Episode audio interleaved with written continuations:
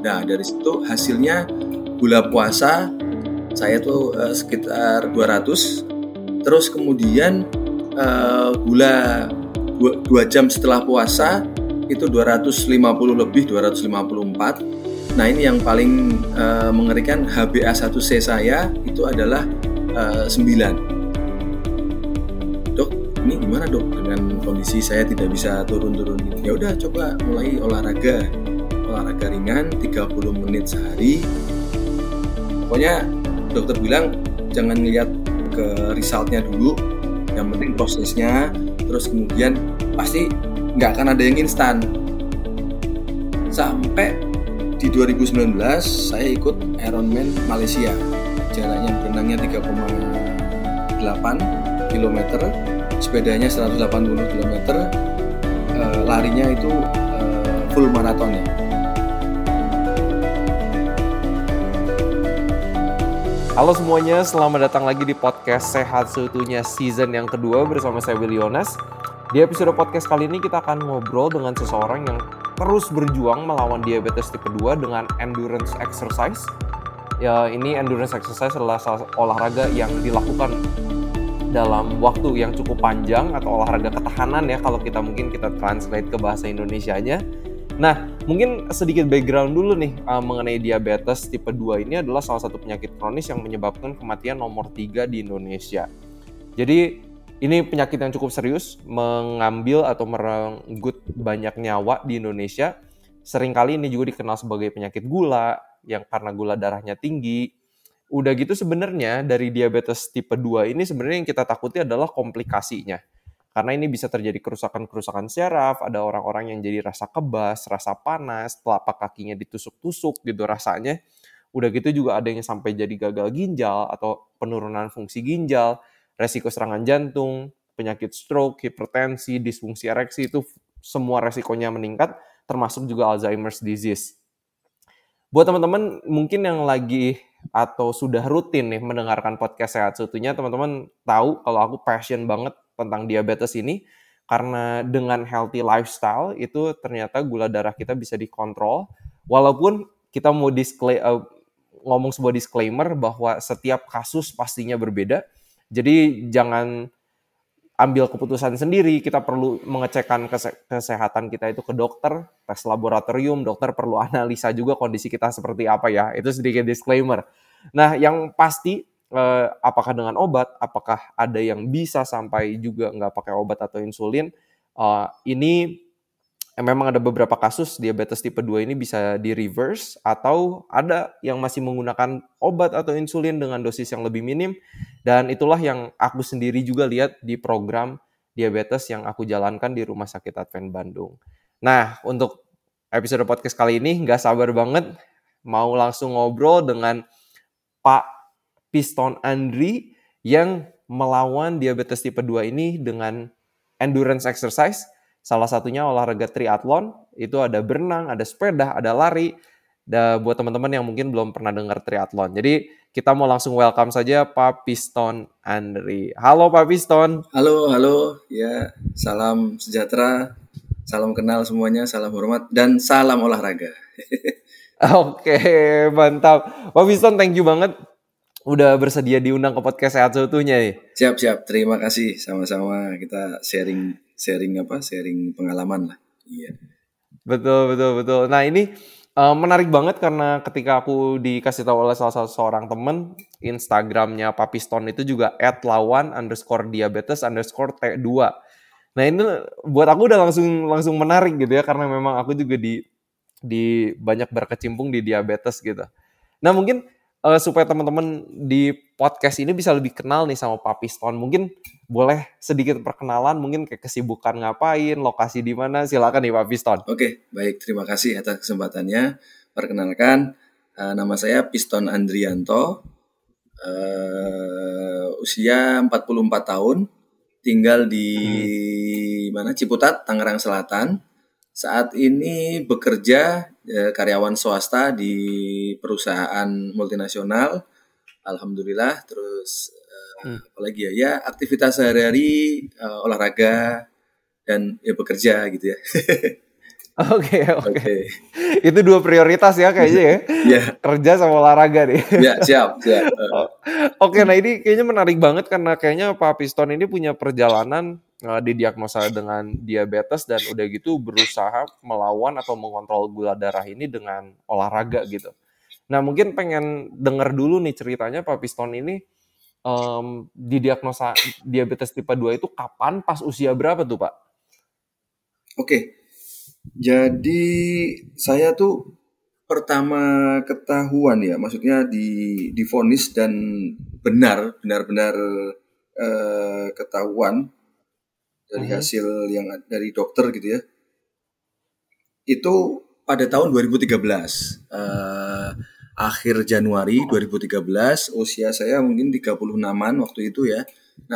Wow. hasil lab medical apa eh, medical check up itu kan eh, kebetulan pada waktu itu saya pindah ke kantor baru diminta untuk Hmm. diakses kan sebelum masuk ke kantor baru dilakukan medical check up menyeluruh nah dari situ hasilnya gula puasa saya tuh eh, sekitar 200 eh, 189 atau berapa gitu ya 189 Wow. Terus kemudian eh, gula set- dua, dua jam setelah puasa itu 250 lebih 254. Terus Hmm. kemudian, nah ini yang paling eh, mengerikan HbA1c saya itu adalah eh, 9. Wow.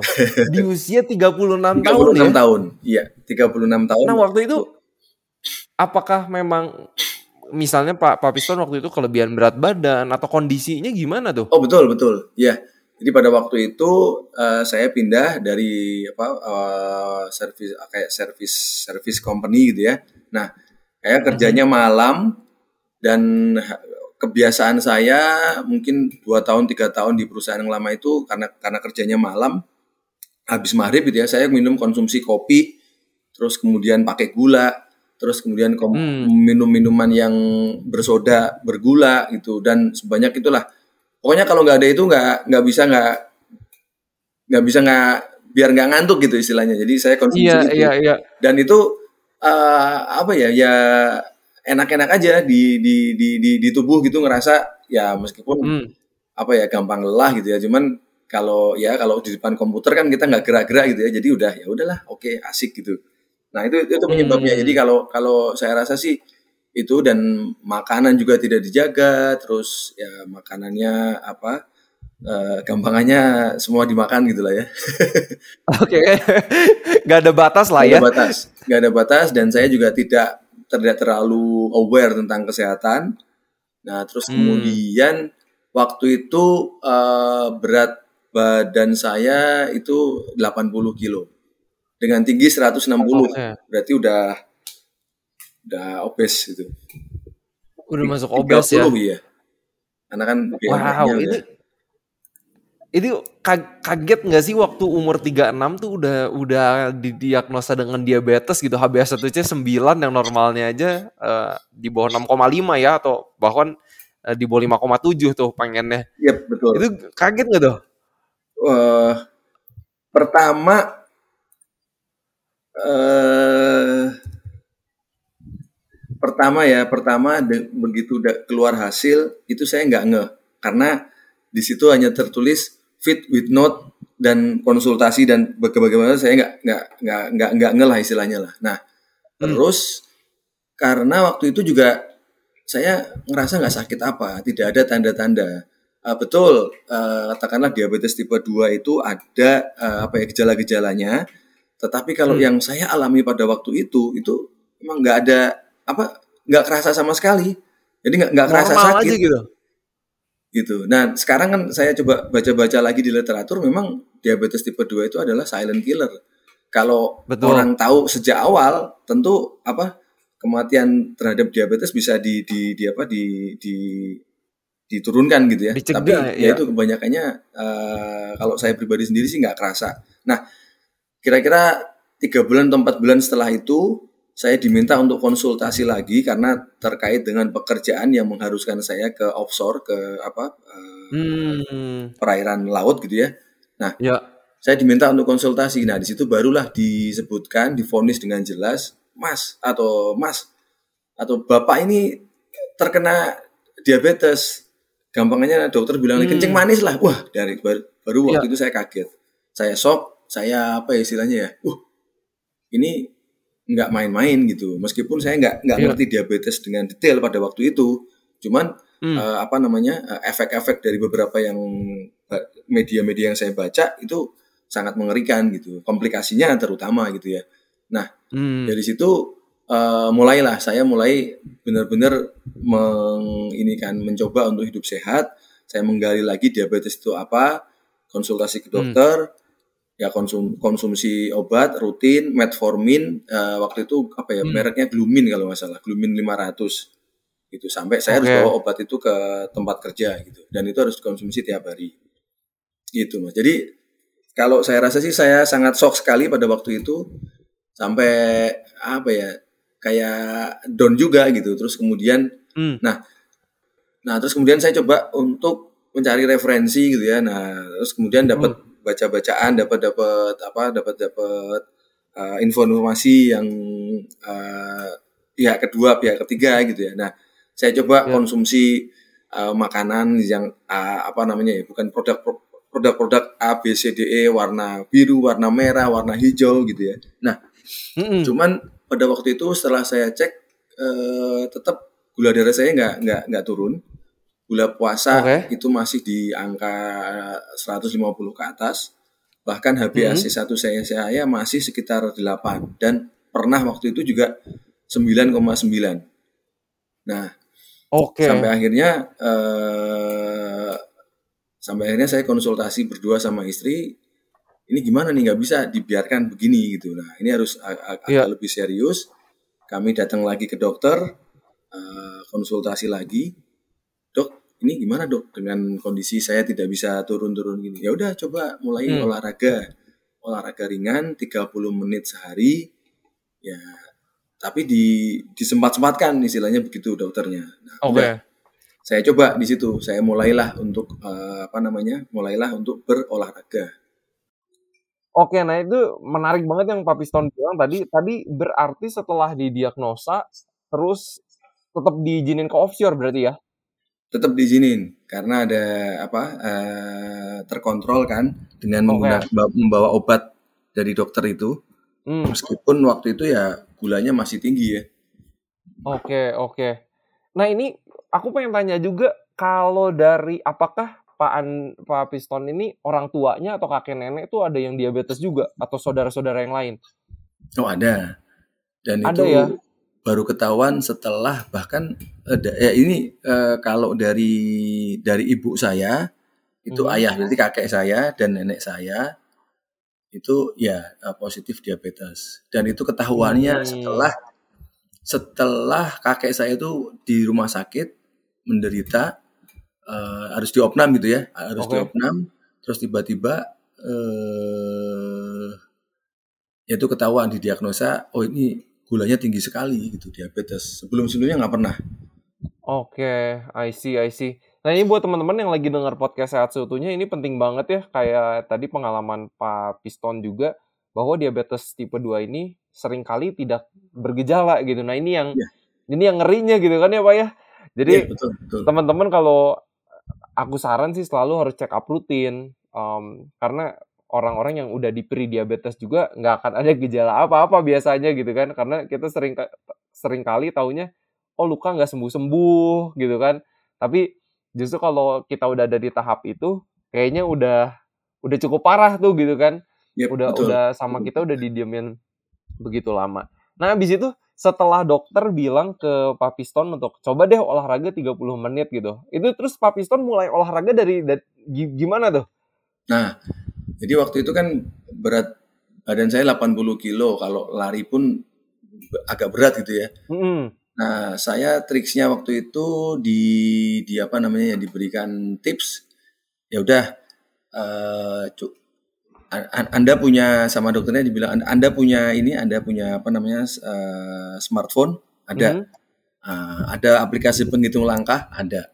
Ya. Ada aplikasi untuk apa penghitung ini pengingat minum air minum minum air gitu ya. Ada. Ya udah saya install semuanya. Oke, set. langkah satu hari itu minimal 10.000 ribu Hmm. langkah.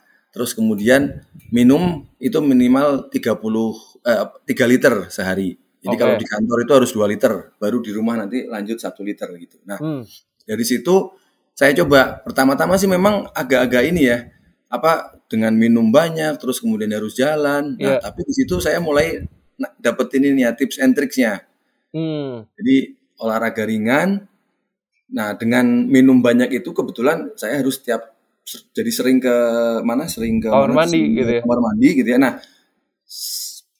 begitu mau ke, ke kamar mandi, saya langsung kamar mandi. Tapi begitu selesai, kan, karena waktu itu saya bekerja, saya nggak nggak langsung kembali ke tempat kubikel saya.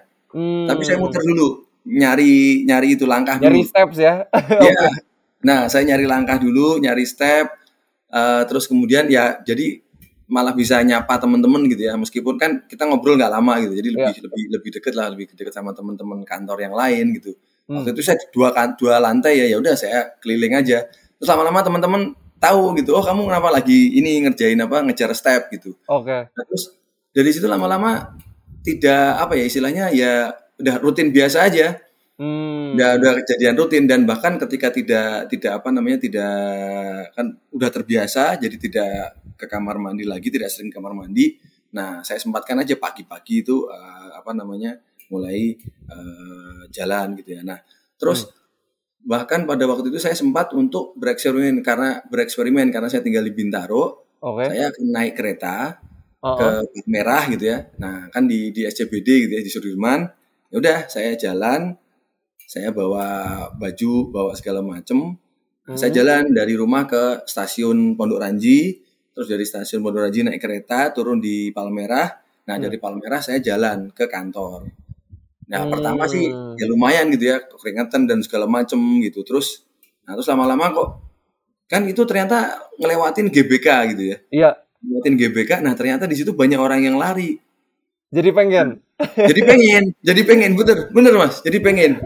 Jadi alhamdulillah pada waktu itu saya diberi apa ya, kayaknya kok dimudahkan untuk berolahraga gitu ya. Jadi saya jalan tiba-tiba ada di ada ada kok kantor saya ngelewatin GBK dan saya ya udah saya coba muter satu kali gitu ya, tek, Hmm. terus takut telat gitu ya, ya udahlah besok lagi cuma satu. Nah terus lama-lama, wah ini kayaknya udah enak nih kalau dibuat jalan apa buat lari gitu. Hmm. jalan kecil, jalan jalan cepat gitu lah. Nah terus coba muter gitu. Sampai akhirnya ya rutin itu minimal dua kali muter GBK berarti kan sekitar 2 kilo lah ya. Hmm. 2 kilo. Nah udah. Itu udah lebih dari 30 menit. Dan itu eh, sekitar tahun 2014 2015 saya mulai mencoba untuk eh, apa namanya 2014 akhir bener tapi olahraganya waktu itu masih di gym Oke. jadi tidak belum berani lari keluar tetap olahraga di gym gitu Di treadmill gitu ya. treadmill betul treadmill Hmm. treadmill dan itu juga salah satu efek ke jadi waktu itu istri saya sangat khawatir Mhm. terus sampai akhirnya dia mendaftarkan saya ke gym ini Oke. pokoknya udah ada, udah ada PT udah ada segala macem Oh, ini uang tabungan dipakai untuk beli PT langsung jangka panjang gitu ya nah Hmm. silakan mau dipakai mau enggak terserah terserah anda anda mau sehat atau mau sakit gitu nah waduh Hmm. kan istilahnya jadi kayak ditabokin gitu ya wah ini Iya. bisa nggak nggak main-main ini saya harus bener-bener bener-bener nge-gym gitu Iya. nah jadi setelah apa setelah jalan tadi terus kemudian ya udah ngikut nge-gym itu lebih lebih kerasa lebih enak gitu ya meskipun Hmm. pertama kali nyoba lari di treadmill itu 30 menit udah waduh udah mau pingsan Udah capek itu. banget pasti ya. ya udah mau pingsan PT-nya pun sampai apa ya khawatir lah gitu lah banyak Iya. dikerubungin orang gitu nah ya udah coba pelan-pelan dan waktu itu memang kerasa terasa terasa banget dan waktu itu eh, saya sering menginformasikan ke teman-teman jadi kalau mau olahraga yang Hmm. paling berat itu adalah pada saat mau mulai mau Betul. mulai terus kemudian setelah setelah setelah mulai itu akan mengulang yang pertama itu pasti akan berat karena apa karena biasanya itu apa namanya pegel-pegel dan lain-lain Iya iya iya iya iya. Betul Nah, itu betul. kalau kalau dua itu bisa dilewatin ketiga keempatnya biasanya sih lebih enak Udah autopilot ya. Kayaknya nanti Iya. lama-lama udah udah nyari Iya. olahraga sendiri gitu ya. udah olahraga sendiri gitu Nah ini yang aku penasaran ketika Pak Piston mulai jalan 10.000 langkah, mulai nge-gym gitu. Itu dari gula darah langsung kelihatan nggak sih, Pak? Oh, belum, belum, belum. Belum ya? Belum. Dari Oh. 2014 itu berat badan saya masih eh bahkan gula meskipun dengan tetap jaga makanan itu wajib ya makanan itu wajib dijaga saya udah nggak konsumsi gula lagi Iya. dan saya juga berusaha untuk menurun apa mengganti sub- mensubstitusi nasi jadi ti- tidak tidak tidak makan nasi putih lagi tapi yang diganti Oke. dengan yang lain nasi merah atau karbohidrat yang lain jadi bukan berarti Hmm. tidak tidak ada karbonya sama sekali Iya. Hmm. Tapi untuk nasi putih saya bisa coba hilangin step by step gitu ya. Nah, itu 2014 eh pokoknya dokter bilang jangan lihat apa namanya? jangan lihat eh, ke resultnya dulu. Oke. Yang penting prosesnya terus kemudian pasti nggak akan ada yang instan.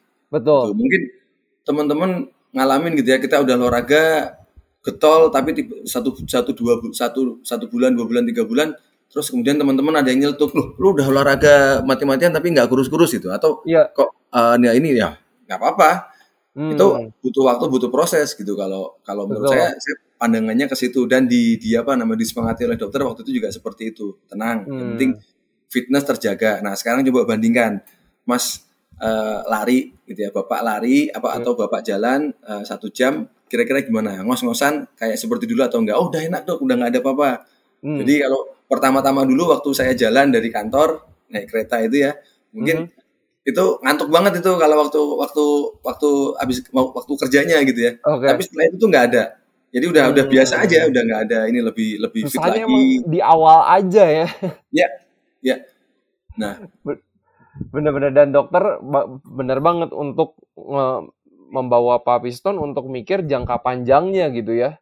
betul oh ya satu lagi Hmm. dari yang saya apa yang diminta oleh dokter pada waktu itu eh oh untuk merekam Ah, Jadi semua aktivitasnya itu direkam, ya.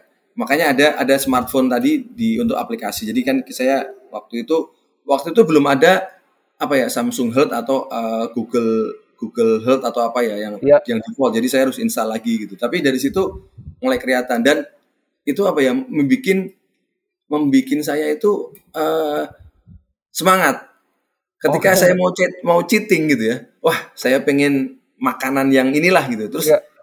saya lihat hasil step saya gitu ya. Wah, saya udah bisa nih, katakanlah 30 Hmm. ribu ya. Atau udah bisa lari 5 kilo, 10 kilo ya dengan akumulasi satu minggu gitu ya. Katakanlah 40 kilo gitu ya. Tek.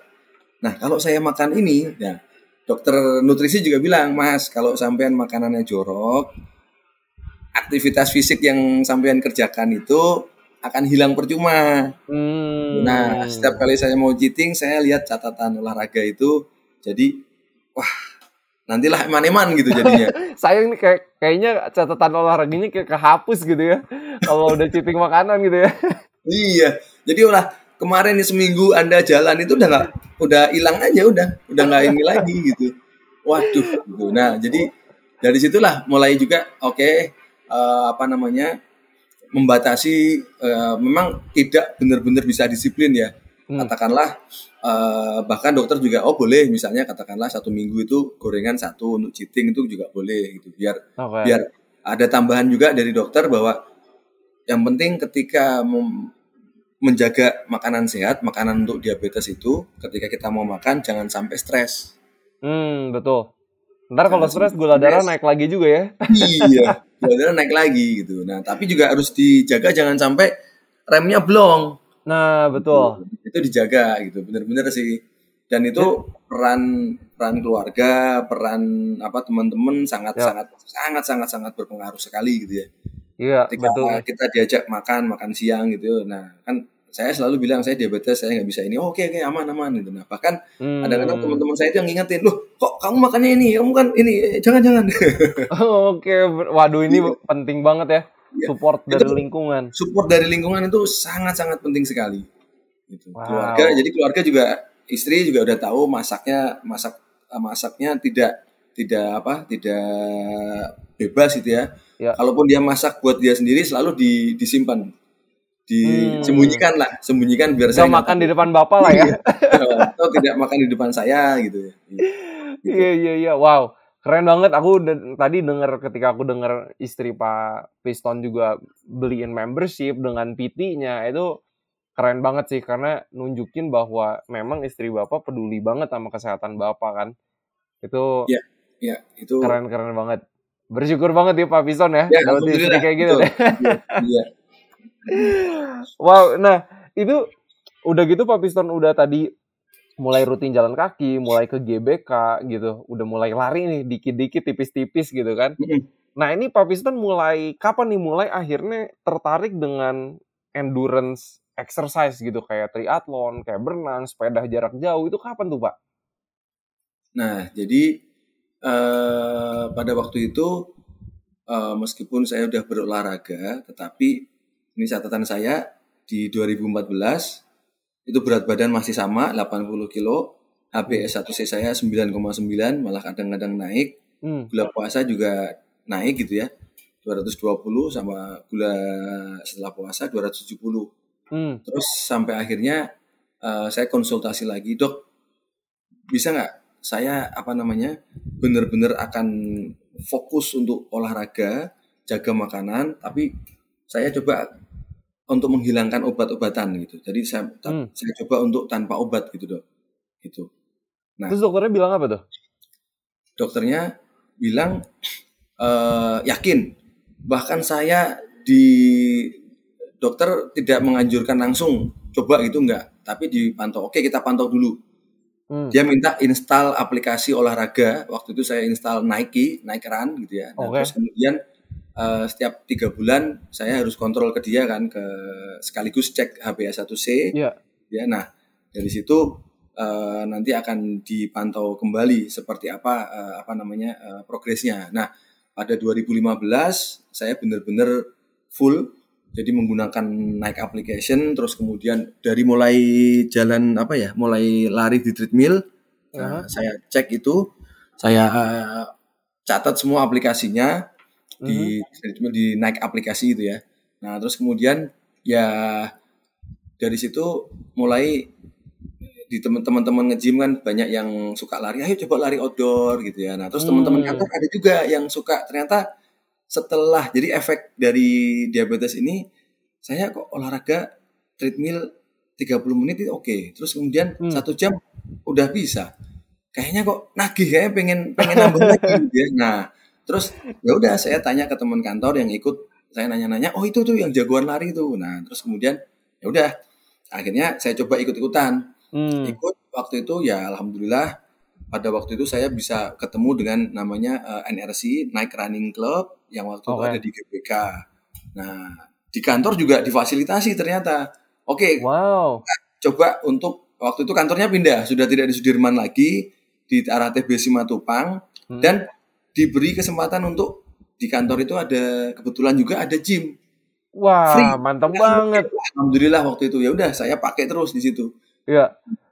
dari situ eh, mulailah eh, apa namanya olahraga rutin olahraganya outdoor lari dulu waktu itu terus Hmm. kemudian saya dengan dokter nah dipantau oke jadi boleh kita lakukan apa namanya program untuk em, mengurangi obat nah Mhm. waktu itu gula mulai turun ya di Oke. 2015 itu sekitar 7 Hmm. HbA1c saya. Nah, terus kemudian mulailah awal-awal 2015 itu mulai tanpa obat sampai satu tahun kalau nggak salah waktu itu tanpa obat itu. Oke. Pro- Prosesnya ya progresnya itu ah, satu tahun. Nah, Pelan-pelan turun-turun Iya. sampai dalam satu tahun itu ya. dan terakhir bulan ah, Januari, Februari, Maret ya, empat bulan April, April bulan keempat itu HbA1c saya itu eh, ini berapa? Eh, 6,1 kalau nggak salah ya. Hmm, wow. Dokter udah seneng banget dong itu mah. Sudah seneng banget dan eh jadi terus kemudian setelah di akhir di akhir tahun gitu ya di di di akhir tahun saya masih ingat itu Mhm. Mas sebetul eh, Pak saya minta sebetulnya dicatat dicatat olahraganya itu karena untuk membiasakan menjadi habit bukan Hmm. sekedar untuk menghilangkan apa namanya menormalkan gula darah. Ya. Kalau hanya untuk menormalkan gula darah kan tanpa olahraga juga bisa. Tapi kalau memang benar-benar pengen sehat ya jadikan ol- olahraga, makanan apa jaga makanan makanan sehat itu sebagai habit gitu. Nah dengan dicatat itu saya pengen memantau bapak bahwa Hmm. selama satu tahun ini bapak konsisten meskipun olahraganya nggak ya biasa aja nggak terlalu nggak terlalu ekstrim nggak terlalu jauh atau nggak terlalu cepet gitu ya. Nah, Ya.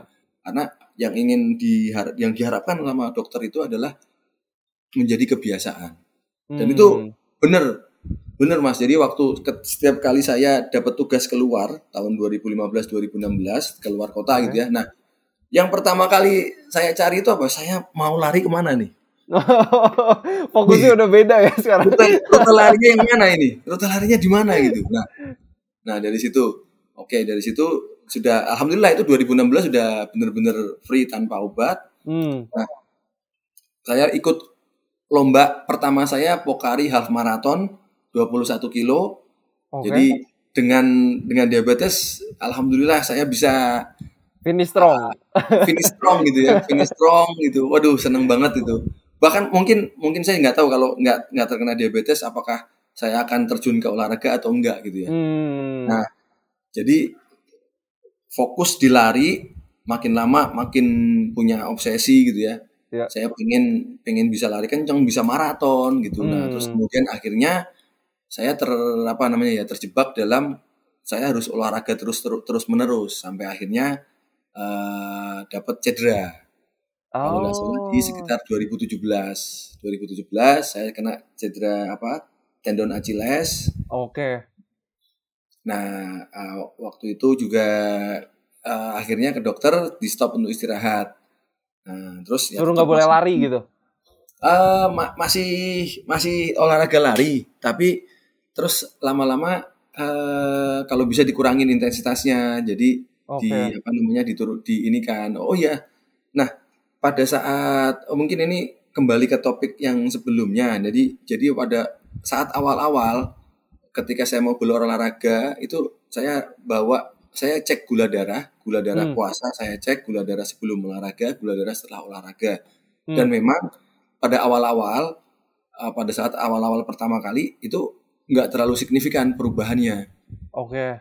Nah, kemudian enam bulan setelah itu baru kelihatan. Jadi biasanya gula puasa saya sekitar 130 120 dengan Hmm. olahraga pagi saya cek lagi itu sudah bisa turun sekitar 110. Hmm, Bahkan kalau saya sarapan, saya sarapan pun saya makan gitu ya. Makan Hmm. besar, makan roti atau apa. Nah, itu naik sekitar 150, tapi ketika olahraga satu jam itu udah bisa turun jadi 130. Tapi Hmm. di awal-awal ya seperti yang dokter bilang itu nggak langsung kelihatan hasilnya. Hmm. Jadi di tahun-tahun terakhir itu baru ketahuan. Jadi setelah setahun itu baru kerasa gitu mas. Jadi kalau misalnya saya olahraga atau gula darahnya 180, Ya. nah saya bisa olahraga satu jam bisa turun sampai eh, sekitar 140 sampai 150. Hmm. Wow, Itu ini kesabaran juga ya. ya butuh kesabaran. Karena kan maksudnya proses terjadinya sebuah penyakit juga itu bukan proses yang sebentar dan kita mau membawa itu kepada normal lagi gitu kan gula darah kita Hmm. terkontrol lagi eh, sebuah proses juga nih. Jadi Ya. eh, kalau buat teman-teman yang lagi dengar podcast ini punya diabetes atau pre-diabetes atau mungkin keluarganya ada yang eh, punya diabetes atau pre-diabetes ini bisa disemangatin karena konsistensi ini nih yang penting gitu ya Pak ya kayaknya ya. Betul. Betul. Wow. Nah, udah gitu apakah setelah eh kena cedera itu akhirnya baru baru bergeser ke triathlon atau gimana tuh? Nah, jadi uh, ada salah satu ininya. Jadi uh, waktu itu uh, karena saya tugas banyak tugas di luar, jadi saya sudah jarang kontrol sama dokter lagi. Uh, Oke. Tapi tetap uh, periksa HbA1c tiap tiga bulan. Hmm. Nah, tahun 2016 sebelum sebelum cedera itu ya berat badan saya itu 68 kg. hmm. HbA1c saya uh, bulan 5 2016 itu 5,7. Wow. Bagus banget. Alhamdulillah, alhamdulillah itu ya. Nah itu eh dari situ saya ikut lomba half marathon terus kemudian uh, half marathon dulu nah baru tahun 2017 saya yang terobsesi gila-gilaan nah hmm. terus pada waktu itu saya coba kadang apa ya kontemplasi apa istilahnya ya ya review diri sendiri lah gitu ya yeah. saya mau sehat atau mau ini mau mau jadi atlet nih gitu oke okay. ya usia udah nggak muda atlet juga bukan kok olahraganya gila-gilaan terus saya kembalikan lagi saya tanya lagi saya mau ngapain sih saya pengen hmm. sehat tanpa obat sampai akhir. Nah, hmm. terus kemudian uh, kalau kaki saya nggak bisa buat lari, terus gimana dong? Saya ya. mikir saya masih bisa ini sepeda, sepedaan lah, naik sepedaan bisa kan olahraga. Gitu. Ya. Tapi saya belum biasa waktu itu naik sepeda ya udah. Terus oke, okay, saya nanya lagi kalau nggak bisa sepedaan, kalau nggak bisa apa namanya eh, nggak uh, bisa lari, nggak bisa sepedaan, tinggal anggota badan apa yang masih tersisa tangan iya tangan olahraganya apa ya berenang Hmm.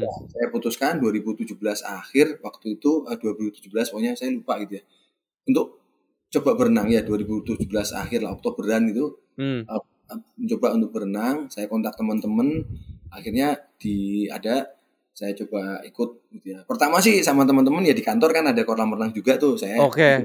YouTube ikut-ikutan YouTube lah gitu cuma yeah nggak ini juga ya nggak nambah-nambah ya, akhirnya ya saya ikut ikut teman-teman komunitas lah. gitu ada komunitas gitu nah, hmm. nah di situlah mulai ya udah mulai terjaring lah di komunitas uh, triathlon itu ya udah kamu udah udah renang terus kemudian ya udah sekalian uh, hmm. apa namanya coba sepedahan bukan untuk ini waktu itu lebih ke arah ini siapa uh, cross training cross training agar kaki tidak terlalu diforsir untuk lari terus itu jadi hmm. jangan sampai cedera ya udah disubstitusi dengan uh, dengan dengan lari. Nah dari situ mulailah gitu. Oh inilah berarti memang triathlon itu obat obat diabetes saya gitu karena hmm. ya bisa apa namanya um, menggunakan tangan menggunakan kaki terus berenang ataupun sepeda ataupun berlari jadi uh, semua anggota badan bisa bergerak dan hmm. meng menghindari injury gitu. Wow, nah, oke okay. itu mulainya ke triathlon mulai, ya. Mulai ke triathlon di situ, ya. ya. Menarik emang karena karena berenang ya ini sih ya salah satu olahraga yang emang injury free kayaknya ya. Maksudnya uh, resikonya lebih jauh lebih rendah ya. Karena impactnya ya. nggak ya. sekeras lari.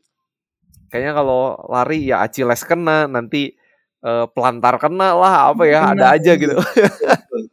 betul. Nah, bahkan waktu itu sih mungkin uh, apa ya mungkin saya nggak tahu apakah teman-teman uh, para triatlet yang lain uh, ada beberapa teman yang ngalamin juga sih jadi ketika awal-awal berenang itu uh itu apa ya setelah berenang itu lapar banget itu oh, iya iya iya iya, iya. Nah, itu, itu jadi jadi challenge juga waktu itu hmm. gitu. nah dengan teman-teman saya saya terbuka waktu itu saya diabetes jadi saya tidak apa namanya tidak makan sembarangan nah Hmm. Inilah teman-teman saya itu yang ngingetin. Ketika selesai berenang, itu biasanya kan kalap tuh makan ya, apa-apa. Betul, gitu, betul. teman saya ini yang jadi polisi juga. Woi, hmm. no no no gitu ya. ya ya ya. Nah, jadi uh, apa istilahnya? Di situlah olahraga, terus kemudian uh, ter, terbantu dengan komunitas. Waktu itu saya hmm. join komunitas cupang, komunitas triathlon badis gitu ya. Dan ya teman-teman ngingetin juga gitu. Wah keren banget sih. Itu uh, ya kadang kan kita suka ada temen yang malah suka kayak ah udah sekali sekali lah ya nggak apa-apa gitu kan. Tapi ini teman-temannya Pak Piston keren banget nih, suportif banget dan mendukung banget ya apa yang Pak Piston jalani dan sangat mengerti gitu. Nah ini pengen pengen tahu nih Pak Piston sekarang udah udah accomplish udah pernah ikut event tuh apa aja nih kalau soal triathlon, uh, sepedahan itu boleh diceritain dikit nih? Oh baik ya. nah di 2017 alhamdulillah saya bisa finish satu dua tiga empat empat maraton dalam satu tahun. Wow. Itu 2017 dengan training yang ya apa istilahnya ya. Uh, bahkan pada tahun 2017 itulah mungkin HBAC saya yang paling bagus itu 5,2. Wow. dan ada pada waktu itu apa ya kayak semacam eh, niat sampai saya itu nggak nggak nggak cheating sama sekali. Hmm. Nah, Cuman di sini eh, ternyata ada terutama di Jogja Marathon pada waktu itu saya udah training tahun tahun 2018 ya tahun 2018 saya coba Jogja Marathon. Nah itu eh, di kilometer 30 itu saya tiba-tiba keliengan. Oke. keliengan terus kemudian tek. Waduh ini kenapa ya? Kok saya tenaga masih ada tapi untuk lari itu bisa. Cuman kenapa ah, kayaknya ada yang sesuatu yang nggak beres gitu ya. Hmm. saya keliengan terus kemudian akhirnya saya istirahat sebentar. Nah saya istirahat sebentar saya waktu itu saya cuma asumsi apakah gula saya berkurang Iya. atau gula saya kelebihan. Tapi kalau kalau gula berkurang saya kan diabetes nggak mungkin. Tapi Aha. kalau kelebihan saya nggak ini nggak seperti biasanya gitu. Sampai akhirnya saya putuskan untuk saya konsumsi aja minuman apa namanya yang bersoda yang manis-manis gitu ya. Udah saya istirahat sebentar saya minum itu roti-roti makan. Ah nggak lama dari situ 15 menit saya pulih kembali. Oh udah hilang nih. Hmm. ah berarti kayaknya nih kurang gula nih pada waktu itu tuh Kerendahan ya. Ya, hipoglikemik terjadi dan itu saya tahunya setelah pada saat nanti setelah apa eh setelah selesai atau eh, nggak nggak langsung tahu pada waktu itu. Terus saya udah bisa finish dengan waktu terbaik saya empat setengah jam Mhm. untuk maraton gitu ya. Nah, terus nah saya tanda tanya ini kenapa ini saya saya tadi itu kenapa gitu. Hmm. Seandainya saya tidak ada saya tidak apa tidak ada tadi hipoglikemik gitu ya. Itu mungkin saya bisa di bawah 4 jam gitu. Nah, Hmm. Terus saya coba eh, konsultasi ke dokter dan di dicek lagi. Nah ternyata memang benar saya eh, ada hipo hipoglikemik. Jadi Hmm. tapi kan waktu itu saya konsumsi apa namanya gula itu saya batasin sekali gitu. Iya. Dan ternyata dari mana itu gula gula bisa masuk gitu ya? Hmm. Kan saya diabetes harusnya nggak nggak nggak bisa masuk dong gitu. Nah terus Ya. dokter ada yang cerita memang dengan olahraga itu ada enzim irisin eh, yang akan me- mengaktifkan eh, sel sehingga bisa menangkap gula tanpa menggun- tanpa, tanpa dengan sedikit bantuan eh, insulin lah gitu. Hmm. Teori seperti itu. Oh oke oke jadi seperti itu udah. Dan akhirnya oh jadi saya harus waspada juga ini jangan sampai Ya. saya hipoglikemik. Nah dan betul tahun 2018 itu saya pernah saya kan selalu cek gula darah sebelum sebelum olahraga dan setelah olahraga Oke. kaget gitu sampai pada tahun 2018 tuh kenapa ini ya kenapa saya gula darah saya itu tidak turun ketika saya olahraga sekitar 105 140 setelah olahraga tuh tetap 140 gitu loh kenapa Oke. ini ya nah ternyata setelah saya evaluasi dan saya tanyakan ke beberapa ahli oh Hmm. memang benar jadi heart- apa zona atau heart rate atau intensitas itu berpengaruh juga Hmm. pembakaran gula. Kalau saya di intensitas yang rendah, eh, zona 1 atau zona 2, berarti itu memang bahan bakar yang dipakai kan bukan bukan gula, tapi Betul. fat, tapi lemak gitu ya. Nah, jadi gula yang ada tidak ter tidak ter ini, tidak ter apa namanya? Tidak terlalu terkuras gitu ya. Nah, jadi kalau olahraganya nyantai gitu ya, ya udah berarti eh, gulanya bahan bakar yang akan dipakai itu adalah fat. Tapi ketika Hmm. ketika uh, olah intensitasnya tinggi, sprint gitu ya, nah Ya. itu kerasa sekali, oh hilang gitu. Nah, Hmm. sampai akhirnya ya udah ketika dari situ saya mulai bisa menakar kapan saya olahraga intensitas ringan, kapan saya olahraga intensitas berat. Ya, saya lihat Wah, aja. itu pengalaman berharga banget ya. Betul. Betul, Mas. Ya. Jadi kalau 150 oh berarti saya harus olahraga uh, intensitas uh, berat ini. Tapi kan Hmm. dengan usia yang kepala empat, saya nggak bisa olahraga intensitas berat terus. Ya, Akhirnya betul. win-win solutionnya adalah tetap makanan harus dijaga. Jangan sampai Hmm. gula darahnya itu naik. Gula darah itu jangan sampai 180 lebih. Kalau bisa Ya. di bawah 150 sehingga in- intensitas olahraga ringan pun tetap aman. Fat yang kebakar Hmm. dan lain-lain. Gitu. Betul, betul, betul. Nah, ini Nah. kalau tadi tadi maraton 4 ya beres ya. Terus di 2018 Jogja Maraton ya. 2018 itu mulai saya eh, apa lari trail, tahura, terus kemudian saya mulai uh, resmi jadi triatlet di mini mini triathlon yang diselenggarakan oleh Triathlon Badis itu tahun 2018. Oke. Nah, jadi itu itu jaraknya menjadi- berapa aja tuh? Berenangnya Itu berapa jauh? Berenangnya 400 meter, Oke. sepedanya 20 kilo, uh, larinya 5 kilo.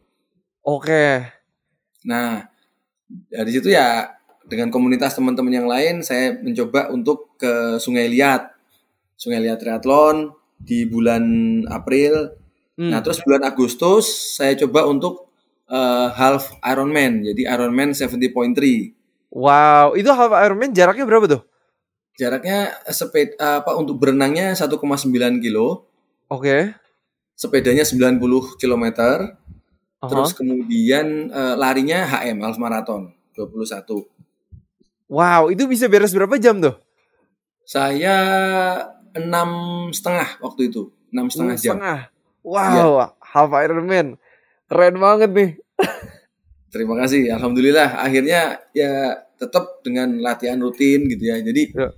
saya eh, waktu itu selalu saya saya kondisikan eh, ya sedikit-sedikit lama-lama menjadi bukit gitu. Ya. Kapan bukitnya ya kak? Bukitnya itulah di race-nya itu. Hmm. Jadi kalau kalau eh, apa namanya eh, olahraganya tidak tidak rutin gitu ya, tidak disiplin itu Hmm. ya ketika akan lomba kan ya amburadul nanti ya gitu ya. Ya. Terus ya saya kan oh ya saya ingat lagi tuh eh sampai pada kesimpulan begini Mas ka- ketika dokter mengatakan Mas obatnya diminum ya tiga kali sehari. Nah Aha. kalau di benak saya itu berbeda. Mas olahragalah tiga kali sehari. Yang sore. Betul, Oh. betul. Nah itu jadi oh bener juga ya dokter dulu bilang minumlah obat tiga kali minum obatnya diminum tiga kali sehari. Kalau saya enggak jadi oh olahragalah tiga kali sehari siang dan sore. Dan memang pada waktu itu bener apa eh, kejadian mas. Jadi Hmm. saya pagi eh, di rumah itu lari terus kemudian siang karena di dekat gym gitu ya Ya. pesen pesen makanan duluan terus makan siang nah di gym tuh nge-gym nah sore Hmm. baru berenang atau yang lain jadi ya meskipun 30 menit itu nggak harus satu jam atau lama gitu ya Ya. Mm-mm. gitu Wow. jadi dari situ ya olahraga itu obat obat diabetes untuk kontrol saya diabetes gitu dan Wow. dan itu bisa doable istilahnya doable Ya. doable dengan catatan itu tadi tidak bisa dibangun secara instan terus Iya. pelan-pelan step by step gitu Wow, ini aku aku kagum banget. eh maksudnya itu ya, aku aku mikir juga tadi yang Pak Piston bilang, apakah kalau nggak ada diabetes, apakah akan olahraga se, se- kayak gininya gitu kan? betul Um, dan dan ternyata ya maksudnya walaupun pernah gula darah nggak kekontrol, tapi ada hikmahnya juga ya. betul Sekarang betul, jadi Mas. aware banget sama kesehatan gitu ya. Iya. Dan jangan penyakit itu bikin kita down dan nganggap kayak yang aduh saya udah bisa ngapain lagi nih gitu kan. Ternyata dari cerita Pak Piston aja seseorang yang pernah didiagnosa dengan diabetes bisa mengontrol gula darahnya dengan olahraga, makan sehat seperti kayak sekarang, bisa nyelesain half Ironman gitu kan. Ini ya jangan membatasi pikiran kita sendiri gitu ya bahwa kalau udah terdiagnosa dengan diabetes kita udah nggak bisa ngapa-ngapain lagi. Ini kalau yang tadi aku nangkep juga kayaknya Pak Piston kayaknya menjadikan race itu sebagai tujuan jadi olahraganya juga rutin juga ya kayaknya ya. jadi salah satu karena eh, apa namanya olahraga kan harus tiap hari mas Ya. biar nggak bosen akhirnya saya ikutlah lomba-lomba itu kenapa karena lomba itu kan daftar Ya. bayarnya nggak murah juga mahal Betul. Kalau nggak latihan nanti ada apa-apa di lomba itu kan sayang gitu ya Betul. Eh, istilahnya ya yaitu untuk memotivasi karena saya ma- saya masih manusia normal jadi kadang-kadang juga Iya. bosen istirahat pengen pengen nggak nggak pengen olahraga juga gitu cuman Iya. untuk salah satu cara untuk memoni- me- apa ya meng- tetap me- bersemangat ya saya ikut lomba Hmm. sampai di 2019 saya ikut ultra maraton Wow. jadi Ikut ultra di mana nih? di Bintaro Bintaro Loop Oke. 120 kilo tapi waktu itu saya tidak selesai terkena lebih waktunya apa ya uh, lebih ya di over over COT istilahnya. Oke. Okay. Jadi saya hanya berhasil uh, 100 110 kilo kalau nggak salah. Waduh, dikit Jadi, banget uh, lagi tuh. Dari total 120 ya, cuman waktunya udah nggak cukup. Nah, waktu itu kendalanya saya belum belum biasa lari malam. Lari oh. malam ngantuk gitu ya. Ngantuk. Nah, ngantuk dan itu saya cek itu cek gula darah itu.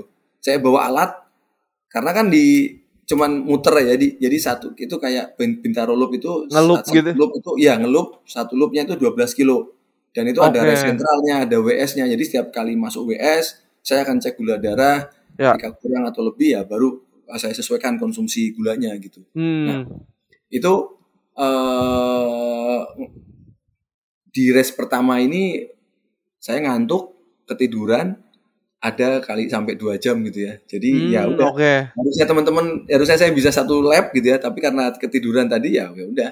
Saya hmm. bablas gitu ya. Udah nggak bisa. Akhirnya ya kurang gitu lah dari situ. Terus dari situ mulailah ikut coba untuk ikut-ikut uh, ultra ultra maraton yang lain. Nah sampai di 2019 saya ikut Ironman Malaysia. Wow. Gimana tuh? Malaysia dengan jadi ya jaraknya berenangnya 3,8 hmm. kilometer, sepedanya 180 kilometer, kemudian eh, larinya, uh, larinya full maraton ya? Uh, apa? Uh, full maraton ya. Tes tes. Bisa ya. denger? Iya, ya, bisa bisa. Oke. Okay. Nah, tadi dari yang ngomong jarak tuh, berenang 3,8 terus uh, sepedanya 102 eh 180 kilo. Terus kemudian uh, apa? Uh, berlarinya itu maraton. Nah, ya. ada pengalaman yang menarik di di sini. Jadi pada saat Ironman ini saya punya strategi. Nanti ketika maraton saya akan batasi konsumsi gula. Oke. Okay. Karena uh, kan saya intensitas larinya juga di zona 1 atau zona 2 gitu ya. Nah, terus kemudian berkaca dari maraton sebelumnya ketika gulanya terlalu tinggi itu turunnya susah. Hmm, oke. Okay. Hmm, nah, pada saat di selesailah itu saya di Ironman Malaysia, saya berenang, bersepeda itu semuanya udah enak sesuai inilah. Saya konsumsi gula juga. Terus okay. kemudian nah, pada saat dilari saya sampai sekitar 10 kilo saya tidak konsumsi gula sama sekali. Nah, terus okay. kemudian di kilometer 18 saya tiba-tiba ngerasa keliengan lagi. Waduh. Hmm. Akhirnya saya deketin, saya deketin ke mana? Ke si tenda pan apa ke panitia. Ya. Ada ambulan di situ, saya coba minta tes, minta tes, tes gula darah saya berapa. Tek. Itu ternyata gula darah saya 50. Wow. Itu hipo, udah hipo itu. Iya. Kalau mungkin di beberapa orang sudah pingsan gitu ya. Iya, bener. Nah, waduh, untung saya lakukan tes. Akhirnya ya udah, saya konsumsi gula di situ, ya. saya istirahat sebentar. Nah, saya konsumsi gula, udah tenang, udah enak lagi, badan saya lari lagi. Sampai 10 kilo saya cek lagi kan sambil ya. sambil konsumsi beberapa kali kan uh, ada beberapa ya beberapa satu pos di mana saya bisa konsumsi gula. Nah, hmm. di di kira-kira kilometer 25 saya cek lagi ternyata gula darah saya itu 60 turun lagi. Wow. Ini nggak nggak nggak bisa main-main nih. Ya. Saya harus nggak gula itu nggak boleh di, dihilangkan nih di sini nih berarti. Iya. Nah akhirnya sepanjang rute saya rutin gitu ya. Saya bawa apa? Bawa minuman yang bergula, terus kemudian ada permen-permen dari panitia dan roti. Ya udah saya ya. konsumsi gitu. Dari situ sampai akhir akhirnya saya bisa finish uh, kalau nggak salah sih 14 jam. Oke. Okay. 14 jam dari 17 setengah jam untuk COT-nya. COT-nya ya. Iya. Nah, wow. Alhamdulillah gitu. Keren hmm. banget. Aku aku kayaknya melakukan satu Ironman salah satu cita-cita aku yang yang yes. ada di bucket list ya. Tapi belum uh, belum menuju ke sana, tapi aku kayak bener-bener secara pribadi tuh sangat kagum banget. Maksudnya Papi Stone yang seorang yang sudah punya diabetes segitu uletnya, segitu gigihnya, pengen pengen benar-benar mengontrol gula darah, olahraga benar-benar obat diabetes gitu. Dan wow, aku sendiri yang gak punya diabetes tuh sangat terinspirasi gitu dari Pak Piston. Jadi ini buat teman-teman yang siap, siap. Hmm. lagi dengar podcast ini, semoga teman-teman juga boleh terinspirasi dari kisah ini, cerita Pak Piston bahwa jangan diabetes itu memberhentikan kita, tapi ayo kita makan lebih sehat, kita olahraga secara Betul, rutin karena betul. ini obat diabetes banget gitu. Nah ini mungkin yang aku pengen tanya Pak Piston kalau sekarang itu gimana nih HbA1c tes terakhir kapan dan dan berapa nih? Eh, kebetulan tes terakhir itu di bulan April, Maret ya kemarin, akhir Maret kemarin. Oke, Itu HbA1c saya 6. mantap. Masih 6. Sebetulnya target saya sih di 5,7 ya. Saya pengen 5,7. agar apa namanya di meskipun benar-benar inilah meskipun diabetes tapi gula puasa saya itu rata-rata masih saya monitor gitu ya. Ya. Itu nggak pernah bisa di bawah 100. Hmm, oke. Jadi masih naik-naik dikit gitu ya. 110 ya 120 gitu. Oke. Meskipun si- malam harinya saya geber ini ya, saya geber apa? Sebelum sekitar jam 9 atau jam 8 saya olahraga lari gitu ya. Dengan udah minum, udah tidur habis itu tek pagi saya cek itu serat- tetap 110, 100 Hmm. 100 apa eh, 120 gitu. Jadi dalam artinya ketika eh, mindset saya saya jaga bahwa diabetes itu tidak bisa disembuhkan. Hmm. Diabetes itu hanya bisa dikontrol Ya. dengan makanan dan dengan olahraga. Betul, betul, betul. Wow, Pak Piston ini pengalaman yang luar biasa banget. Bisa memberikan harapan buat banyak orang. Dan buat teman-teman yang lagi dengar podcast kali ini, semoga teman-teman boleh share episode podcast ini ke teman-teman, ke kenalan yang mungkin membutuhkan, membutuhkan motivasi, eh, punya masalah gula darah juga. Dan siapa tahu bisa terberkati nih dengan cerita dari Pak Piston. Pak Piston kalau misalnya nih sampai ada yang pengen reach out nanya-nanya ke Pak Piston, Pak Piston bisa ditemukan di mana nih di Instagram? Boleh, boleh di Instagram lawan underscore diabetes uh, underscore T2 lawan diabetes tipe 2 sebetulnya itu. Ya. Nah, tapi mungkin sedikit seperti yang uh, Mas Widi sampaikan di awal, nah, uh, ini adalah pengalaman saya, uh, apa namanya ya, pengalaman saya dengan diabetes mungkin bisa apa namanya bisa langsung apa namanya bukan ya, eh apa ya cocok dengan teman-teman yang lain, uh, tapi tergantung dengan metabolisme masing-masing gitu ya. Ya. Ada yang mungkin tanpa olahraga dengan makanan bisa kontrol gula darah, atau dengan olahraga aja tanpa makanan bisa terkontrol gula darahnya gitu. Tapi tetap selalu konsultasi dengan dokter dan uh, dokter Yes. nutrisi. Yang menarik ini Mas Mas Willy waktu waktu Covid gitu ya. Hmm, Itu uh, waktu itu saya ada di tidak di Indonesia. oke. Jadi benar-benar dikurung gitu ya, tidak bisa olahraga. eh eh, bukan tidak bisa olahraga, olahraganya di di ruangan sih bisa. Tapi saya waktu itu melakukan sedikit eh, eksperimen gitu ya. Nah, Hmm, eh, eksperimen saya, saya makanan saya jaga, saya tidak olahraga. oke. Saya hitung, saya lakukan apa namanya hitung gula puasa, saya catat. Nah, selama satu bulan itu ternyata tanpa olahraga, lama-lama ada ada tren gula gula puasa saya itu makin lama makin naik. Hmm, 110 terus lama-lama jadi 130. Nah, sampai akhirnya eh apa namanya? Di bulan yang kedua saya olahraga. Saya normalkan lagi di angka 110 gitu ya. Nah, hmm, terus kemudian saya balik lagi. Saya coba makanan jorok tapi olahraga. Olahraganya Oke. edan-edanan gitu lah ya. Ya. Tetap sama juga. Itu ada trending eh, malah lebih parah ketika kita makan jorok, makan gula gitu ya. Tet, uh, itu sekalipun olahraga ya. Ya, sekalipun olahraga dan olahraganya itu istilahnya uh, saya di di ada ada gym di bawah di lantai basement gitu ya. Ya. Nah, dari fasilitas dari apartemen saya lakukan di situ intensitas tinggi olahraganya pagi siang sore nge-gym tetap itu gula darahnya naiknya signifikan sekali ketika makanan tidak dijaga. Hmm, Nah, jadi menarik dari, ya. dari dari dari dari apa kesimpulan itu waktu pada saat pandemi itu eh, saya mindset saya selalu jaga makanan dan olahraga tidak bisa dipisahkan. Ya. Jaga makanan sehat dan olahraga. Gitu. Setuju banget, setuju banget dan wow ini aku yang aku kagum sama Pak Piston ini Pak Piston juga jadi sangat mengenal tubuh sendiri ya. Dan Alhamdulillah. itu yang perlu kita aku juga kebetulan ngejalanin program diabetes di rumah sakit dan itu hal yang terpenting yang kita pengen pasien kenali adalah tubuh mereka sendiri gitu. Oh ya. makan kayak gini efeknya apa, olahraga seperti apa, efeknya kayak gimana ke gula darah dan itu yang itu kayaknya satu knowledge yang priceless gitu ya. Karena ya, betul. dokter juga maksudnya yang punya badannya pasiennya sendiri gitu kan, ya kita kontrol ke dokter kan cuman tiga bulan sekali atau sebulan sekali tergantung diminta dokter gitu kan. Jadi ya ujung-ujungnya kita harus kenal tubuh sendiri.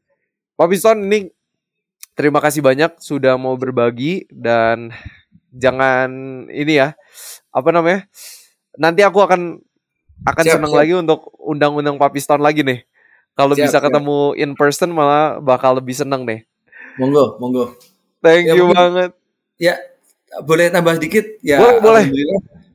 di 2021 kemarin uh, saya bisa menyelesaikan bintang Jawa itu sepeda dari Anyer ya sampai Banyuwangi 1500 km dan saya tidak sendiri Mas Willy. Hmm.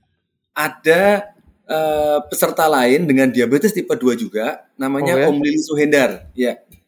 Nah, beliau ini juga apa namanya uh, seorang penderita diabetes tipe 2. Kalau nggak hmm. salah beliau tinggal di Bandung juga. Bandung dan Jakarta lah kalau nggak salah. Nah, okay. dia uh, termasuk orang yang finish juga jadi wow. mengontrol mengontrol gula darah itu dengan berolahraga. Dan hmm. itu bisa, itu doable. Ya. Gitu. Kemudian uh, apa sedikit tips. Jadi uh, pada jadi apa namanya? Mungkin untuk teman-teman yang dari apa uh, mempunyai diabetes dan pengen olahraga tetap yang pertama konsultasi dengan dokter dan dokter yes. nutrisi. Terus kemudian yang kedua selalu pantau gula darah Hmm. Gula darah puasa, gula darah sebelum olahraga, gula darah setelah olahraga. Ya. Atau mungkin gula darah sewaktu pas mau tidur gitu. Nah, itu wajib. Ya. Terus kemudian yang kedua, pantau monitor selalu uh, ini apa heart rate. Hmm. Uh, eh, HR istilahnya, gitu, ya, heart rate dimonitor dan kalau bisa dicatat. Terus kemudian mengenal uh, kap, ap, apa namanya uh, apa ya kapan intensitas kita itu harus rendah harus tinggi gitu ya. Nah, hmm. Nah, karena terkait dengan nanti bahan bakar yang akan digunakan, apakah akan menggunakan gula atau menggunakan menggunakan uh, apa namanya uh, fat atau lemah gitu ya. ya. Nah, mungkin di awal-awal tetap akan menggunakan gula, tapi nanti nanti, nanti lama-lama ketika dilatih akan bisa menggunakan lemak. Nah, makanya pilihan saya adalah ada ada renang, ada ada sepeda, ada lari hmm. karena kalau intensitas tingginya di lari itu kayak sprint ya. impact yeah. kakinya itu lumayan hmm. jadi gampang cedera maka saya ganti ketika ketika apa namanya ketika untuk butuh intensitas yang tinggi saya akan pindah ke renang. Jadi renangnya kayak sprint gitu ya. Toh hmm. itu ya, itu lebih lebih lebih aman lebih enak. Atau untuk long termnya lebih aman ya? Ya betul betul. Jadi makanya saya kombinasikan ketiga-tiganya ini. Jadi kapan saya olahraga tenang gitu ya. Mm-hmm. mungkin dengan lari uh, zona nyantai gitu ya zona intensitas rendah zona satu zona dua. Terus yeah. kemudian ya kalau memang pengen bener-bener intensitas tinggi saya direnang ataupun direnang juga bisa intensitas rendah gitu hmm. intinya ayo gerak ayo olahraga oke okay. Pak Bison luar biasa banget jadi buat teman-teman sekali lagi boleh share nanti ketika ini rilis teman-teman boleh share ini di Instagram story teman-teman, tag ke teman-teman yang mau butuhkan supaya lebih banyak lagi orang yang tahu. Podcast ini full of knowledge banget, full of experience. Jadi banyak banget hal yang berharga. Semoga teman-teman boleh terus berjuang untuk hidup sehat karena hidup sehat sesuatu yang harus diperjuangkan, bukan tergantung dokter tapi tergantung diri kita sendiri. Ini penting banget ya teman-teman. Dan seperti biasa harapan saya semoga kita sehat seutuhnya.